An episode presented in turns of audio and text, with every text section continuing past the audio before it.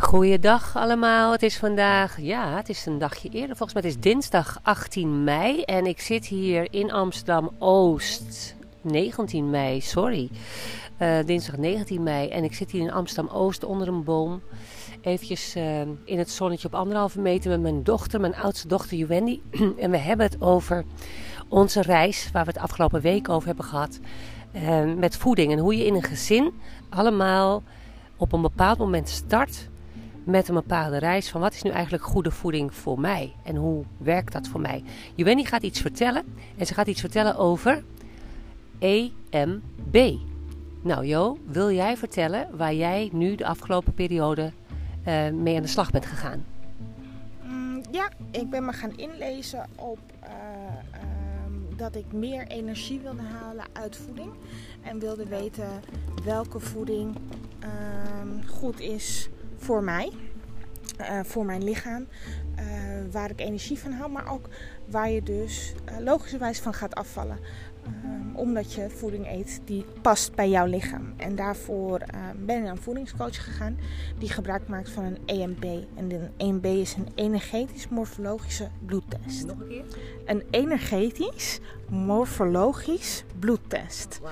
Vertel. Uh, wat dit doet, het, je, je krijgt een, een speldenprikje in je vinger. En uh, naast dat wordt gemeten, zeg maar, waar, het, waar je bijvoorbeeld last kan van hebben. Het kan dus bijvoorbeeld ook uitkomen van mijn schildklier, dat die niet voldoende uh, werkt en dergelijke. Maar er kan dus ook uitkomen dat je een bepaalde allergie hebt. Pinda's of noem, noem het op. Iets. Iets. Um, en dat kan je helpen bij het onderbouwen van jouw eetpatroon. Om een juist eetpatroon te gaan ontwikkelen. Wat ik zo ontzettend leuk vind, is dat jij net, we zitten hier onder dat bankje en jij zegt, mam, ik ben naar een diëtiste gegaan en ik doe EBM naast het onderzoeken van wat is nu goed voor mij. Wat maakt dat jij deze keuze hebt gemaakt? Hoe, hoe, hoe ben je daar zo toe gekomen? Um, ik had er een paar jaar geleden al over gelezen. En toen heb ik het even losgelaten. Um, maar het is altijd ergens achter in mijn hoofd uh, toch blijven hangen. En uh, nu begon ik weer en dacht ik, ja, ik, ik wil toch wat doen. Ik wil, uh, laat het zeggen, de kriebel door COVID-19. denken van ja, ik moet toch iets. Um, want ik heb overgewicht. En om gezond te blijven en zo goed mogelijk bestand te zijn tegen uh, het virus waar we nu tegen uh, staan, uh, dacht ik, of voor staan, dacht ik, nou, dan moet ik toch maar afvallen. En dat wilde ik op een positieve manier gaan aanpakken.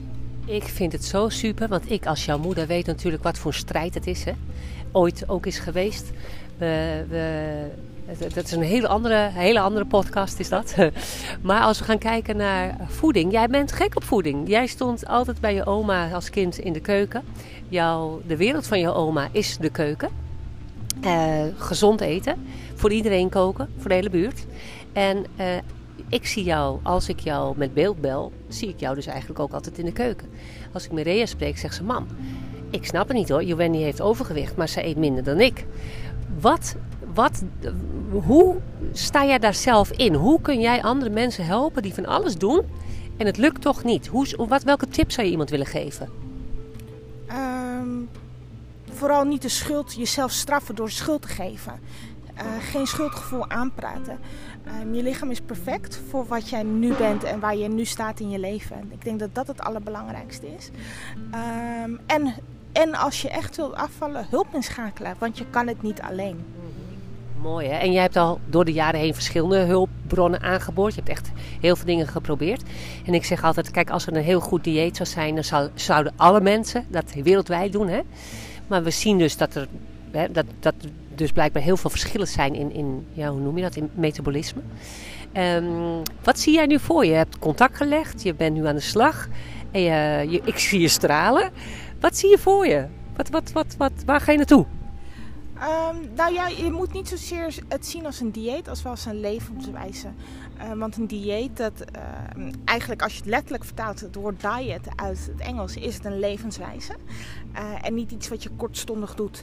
Ehm, dus je moet op de lange termijn dingen gaan aanpassen in je leefpatroon. En als je dat op een juiste wijze doet, gaat jouw lichaam weerspiegelen wie je van binnen bent. Dat is mooi, want wat jij van binnen bent, dat zie ik al heel lang. ik hoop ook dat je dat zelf steeds meer gaat zien. En uh, nou, dat weet ik eigenlijk wel zeker. En uh, ik zit eventjes te denken. EBM. Wat zou, als jij... EMB, sorry.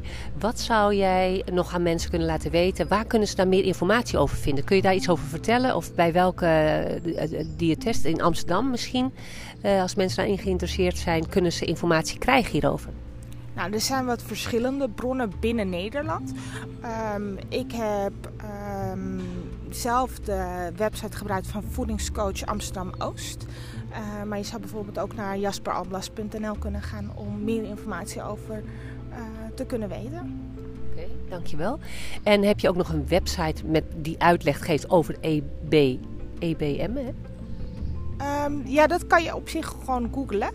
Uh, maar op de website van Voedingscoach Amsterdam Oost uh, vind je een hele duidelijke en uh, makkelijke uitleg. Fijn, want dat wilde ik graag horen. Jootje, super bedankt. Ik ben heel blij voor jou. Ik geniet met je mee en ik ga nu lekker naar je luisteren wat je verder nog te vertellen hebt. Voor iedereen die dus meer wilt weten, je kunt dus kijken naar Voedingscoach Amsterdam Oost. Dankjewel voor het luisteren en tot volgende week.